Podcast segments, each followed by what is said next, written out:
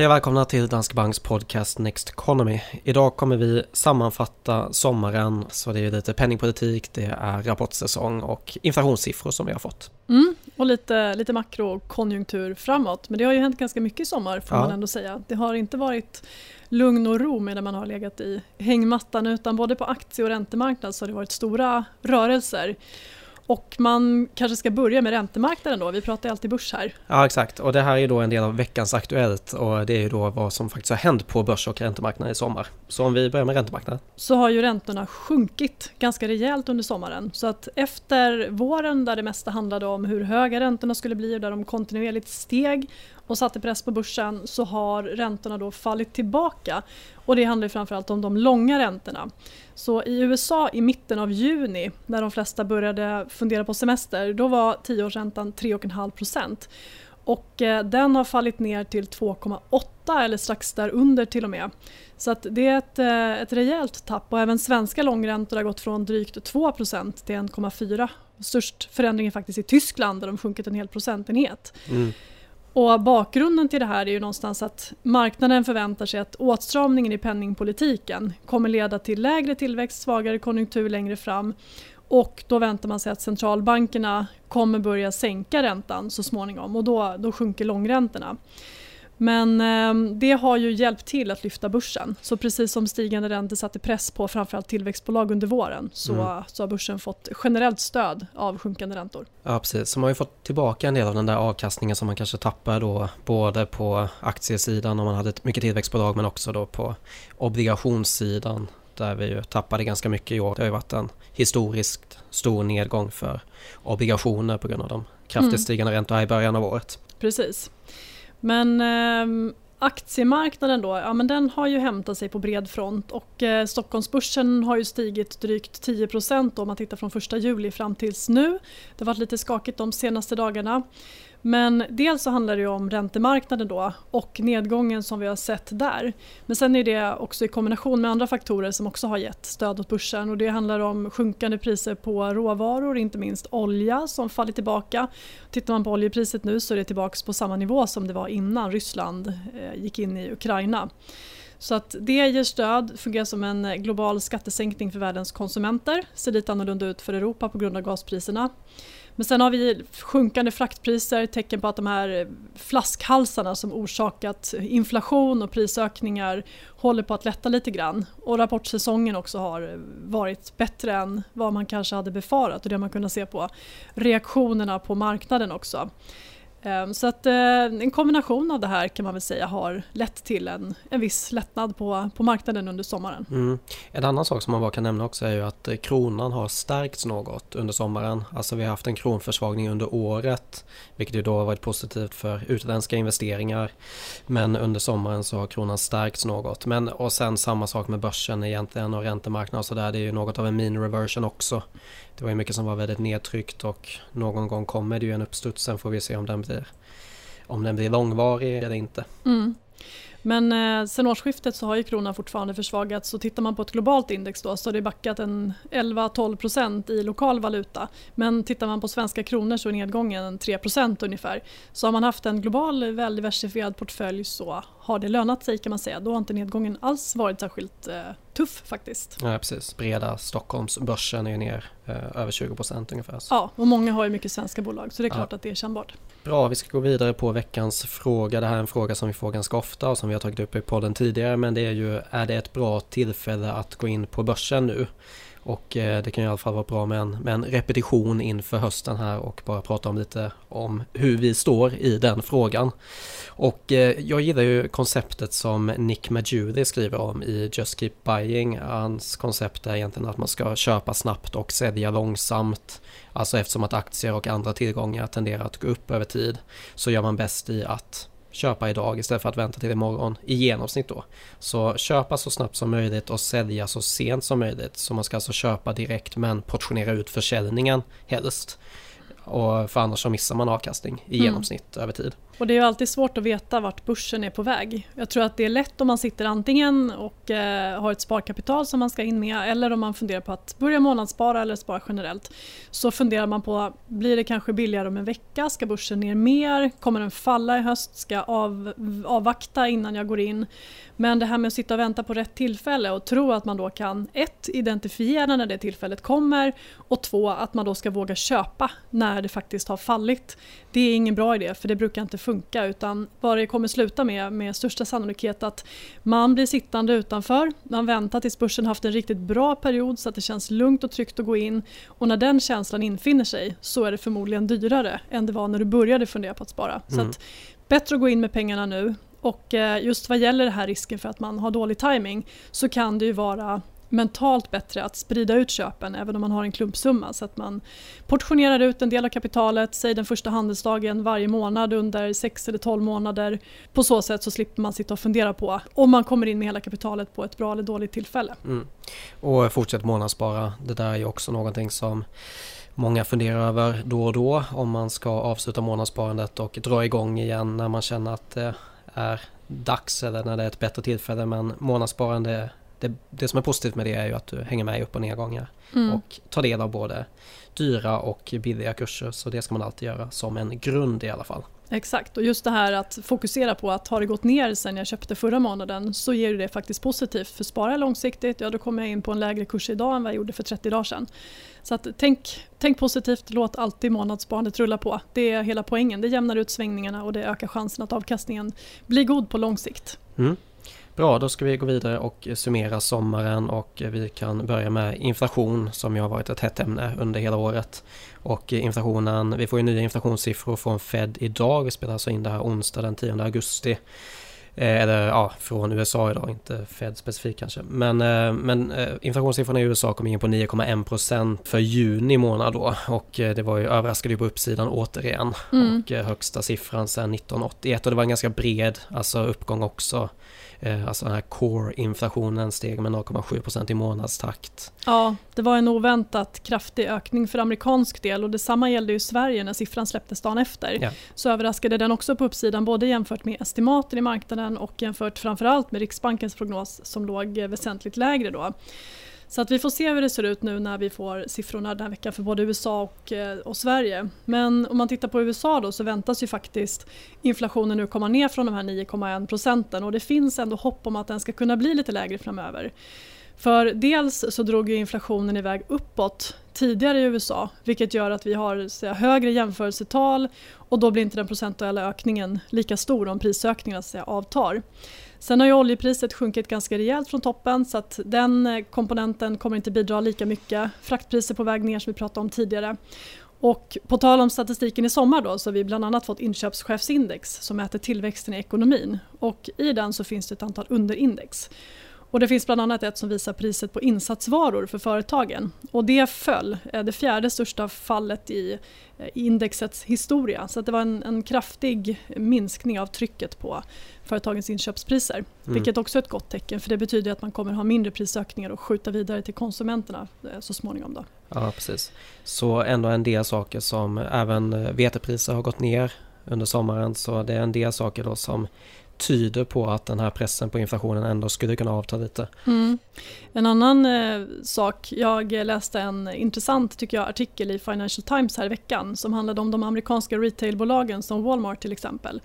Och där skrev man att Walmart med flera har börjat då, så att säga, roll back eh, vårens prisökningar därför att man ser att efterfrågan är svag. Så att nu behöver man rea, man behöver sänka priserna igen och plocka bort de här prisökningarna som man gjorde tidigare för att locka tillbaka kunderna. Och det handlar ju både om att konsumenterna känner av den här höga inflationen och att man har mindre i plånboken men förstås också att man lägger pengarna på andra typer av varor som flyg, hotell, äta ute istället för att gå och handla matvaror i affären. Men det är väldigt semesterrelaterat så att mm. den typen av konsumtion kommer förmodligen minska när vi kommer ur semesterperioden. Då. Men allt detta sammantaget talar för att för amerikansk del så kommer inflationen bli lite lägre. Yeah. Tittar vi på Sverige och Europa då så ligger ju inflationen också uppåt 9 och här väntas den förbli hög under resten av året, inte riktigt lika hög. Men elpriser eh, bidrar ju förstås, matpriserna har stigit och sen så var ju inflationen här låg under 2021 så att jämförelsepriserna är ju lägre helt enkelt och tittar man då på de eh, procentuella ökningarna så blir de helt enkelt stora. Mm. Och om vi går vidare och pratar om penningpolitik då så höjde ju ECB här i somras för första gången sedan 2011 och man tog upp räntan till noll, styrräntan. Och eh, där var det också lite oväntat att det blev en så hög höjning. Man mm. hade väl räknat med 25 punkter men de, de höjde med 50 punkter och bakgrunden till det var väl vad Lagarde sa att dels har man fortfarande en del fördelar från återöppningen av ekonomin, stark arbetsmarknad, man har fortfarande stort sparande hos konsumenter och så. Så eh, det var väl anledningen till att man höjde med 50 punkter men sen är ju alltså inflationen i Europa den låg på var det 8,6 procent. Det är fortfarande väldigt hög inflation i Europa också så ska man då sitta på minus 0,25 i styrränta när man har en inflation på 8,6% Det känns ju också ganska orimligt. Mm. Och Riksbanken höjde ju 0,5 Fed drämde till med 0,75 så det har ju varit kraftiga räntehöjningar och det mesta talar för att det blir fler av det slaget då. Och tittar vi nu på prissättningen på Fed inför nästa möte i september så väntar ju marknaden sig att man höjer med 0,75 igen efter senaste dels inflationssiffran som var hög men också arbetsmarknadssiffran för juli som visade på eh, fortsatt högt tryck på den amerikanska arbetsmarknaden. Då. Och sen ECB väntas höja 0,5 igen i september och därefter ett par gånger till 0,25 innan årsskiftet och då tar man styrräntan till 1,5% innan året är slut. Sen har vi ju Riksbanken då som lär höja minst, får man väl säga, 0,5 vid septembermötet. Men det är fullt möjligt att även Riksbanken kommer gå med 0,75. Och eh, Riksbanken har ju färre möten än många andra centralbanker per år. Man tog bort något möte eh, för ett tag sedan därför att man tyckte att eh, det inte hände så pass mycket att det var motiverat att ha så många penningpolitiska möten. Så då, då strök man något möte i kalendern. Men det betyder att för att man ska nå den önskvärda nivån på styrränta som då stramar av åt och kyler ner ekonomin och signalerar att man tar inflationshotet på allvar så kan man behöva gå fram lite hårdare och då kan 0,75 bli aktuellt. Alternativt ett extra möte, vilket också spekulerats i. Och om vi går vidare och pratar om eh, tillväxt och eh, specifikt då PMI så höll de väl uppe eh, helt okej. Okay, men det som, alltså den där delkomponenten nya order var ganska svag vilket då någonstans indikerar att företagen ser minskad efterfrågan framöver på grund av de här, den här höga inflationen och mer åtstramande finansiell miljö om man säger så. Mm. Så eh, det är ju ändå på väg ner och det har det ju varit under lång tid. Vi pratade ju om den där toppen under förra året i, i PMI. Och eh, just vad gäller nya orderkomponenten så brukar den vara ledande för vart huvud-PMI tar vägen och den är ju under 50 då. 50 är ju strecket som signalerar skillnaden mellan att ekonomin expanderar och att ekonomin krymper.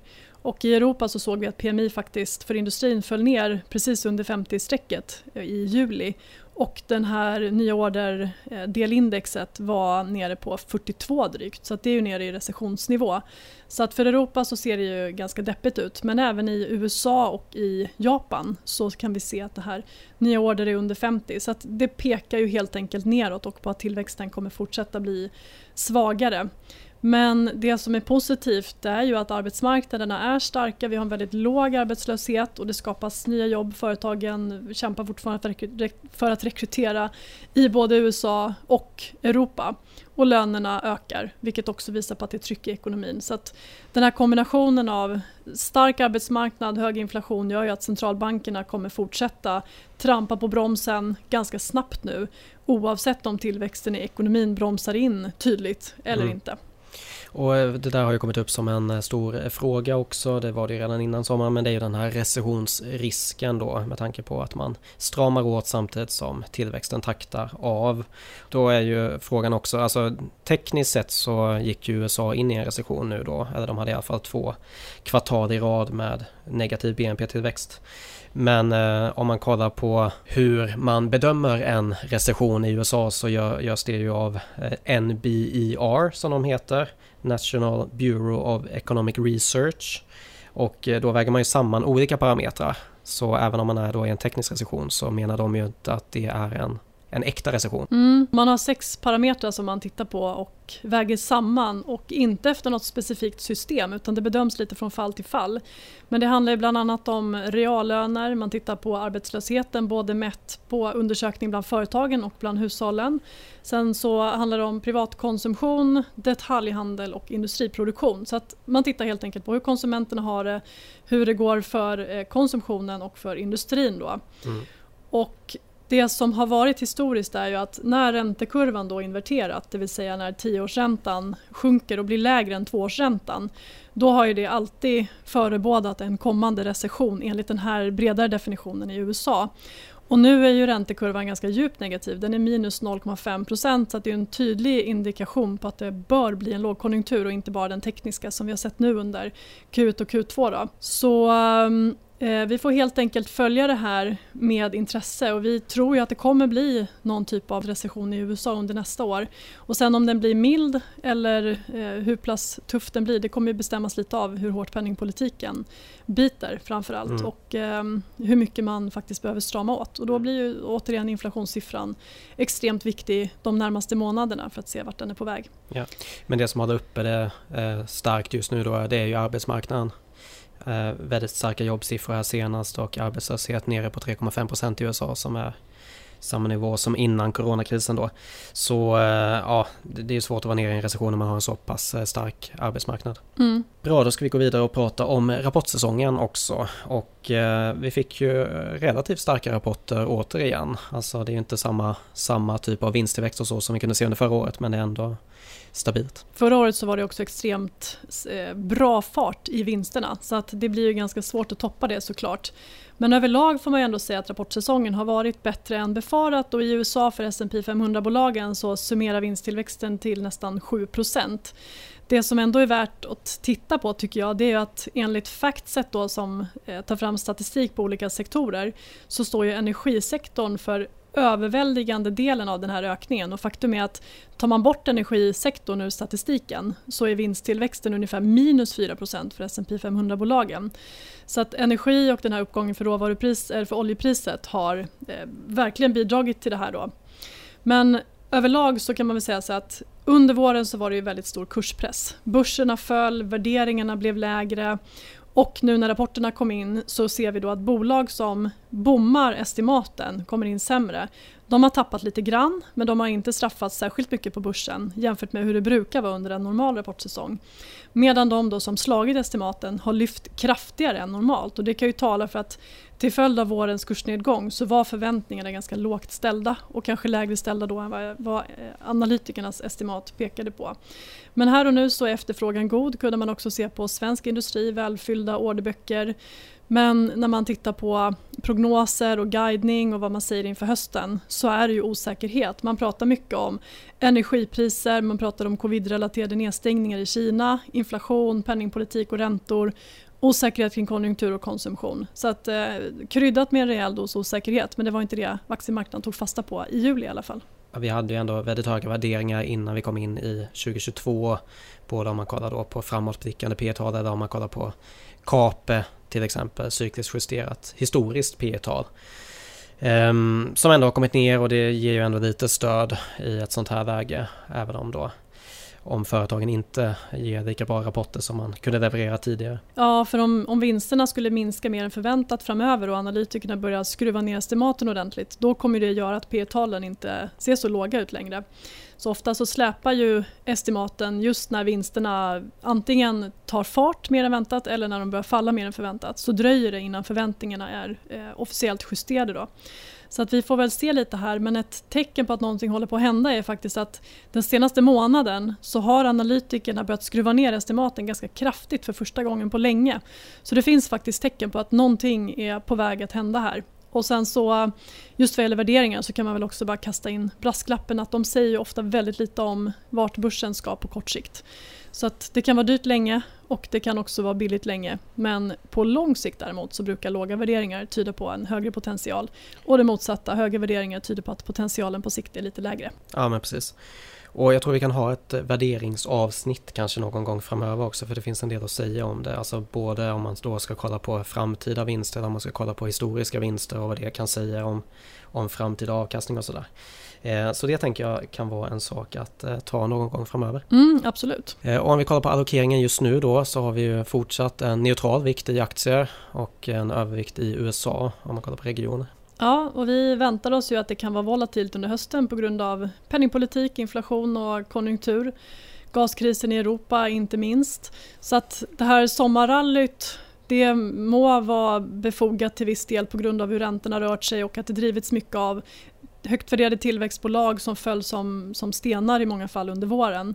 Men om man tittar framåt nu då så återstår ju många av de här riskerna som vi pratat om hela tiden. Och just vad gäller konjunkturen så finns det en stor osäkerhet. Då börjar vi se att Europa går in i en recession och att risken för lågkonjunktur också ökar i USA. Då kommer ju det även påverka bolagsvinster jag har svårt att se att konsumtionen, åtminstone för europeisk del, inte ska påverkas av höga gaspriser, stigande räntor och allmän osäkerhet. Och man kan också se konsumentsentiment på, på väldigt låga nivåer. Så att vi ligger kvar med den här neutrala vikten i aktier som vi eh, tog då. Vi tog ner aktier från övervikt precis i slutet av förra året och eh, vi behåller den som det ser ut. Då. Och sen precis som du säger så har vi sen i början på sommaren fokus på USA på aktiesidan där vi ser att ekonomin inte är lika exponerad för höga energipriser och eh, amerikanska konsumenter gynnas ju i hög grad av att oljepriset kommit ner. Sen en hög andel kvalitetsbolag, mindre konjunkturkänsligt än Europa där vinsterna är mer cykliska och påverkas mer av om konjunkturen mattas av. Då. Eh, så så ser allokeringen ut, mm. väldigt kort och övergripande. Ja, vi kommer återkomma till den här senare för snart så släpper vi vår nya House View också. Så det blir mer fokus på hur vi ser på hela vår allokering här under hösten. Ja. Bra, då ska vi gå vidare till veckans studie och den heter då idag Subjective Risk Return Trade-Off och är från 2022. Och då har man gjort en enkätundersökning där man har frågat 2548 amerikanska investerare om hur de ser på risk och avkastning för olika tillgångsslag. Och eh, då definierade man risk som tillgångsslagets stabilitet i nedgångar, hur väl de skyddar mot inflation och sen några andra parametrar. Och så bedömde investerarna det här på en skala mellan 1 till 5 då. Och samma sak svarade man på vilken avkastning de trodde att tillgången skulle ge de kommande 10 åren. Också på en skala från 1 till 5. Och något som var intressant här var att 77% trodde att fastigheter, privata fastigheter då, ger en högre avkastning än aktier till en lägre risk.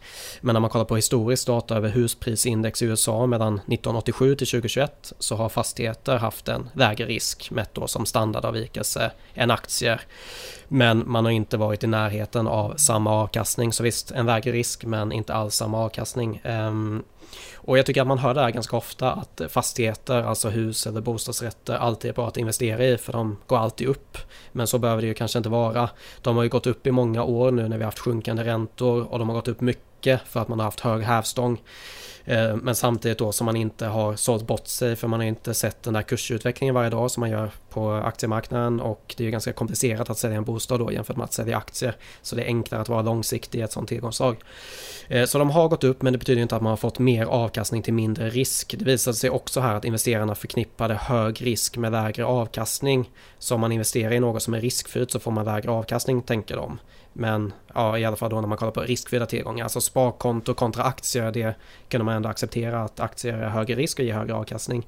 Men i alla fall så en slutsats här i studien är att det här skulle kunna vara en anledning till att investerare inte diversifierar portföljer tillräckligt. För om man inte tjänar på att ta mer risk med sina pengar så kan man lika gärna lägga allt i det som har både låg risk och ger hög avkastning.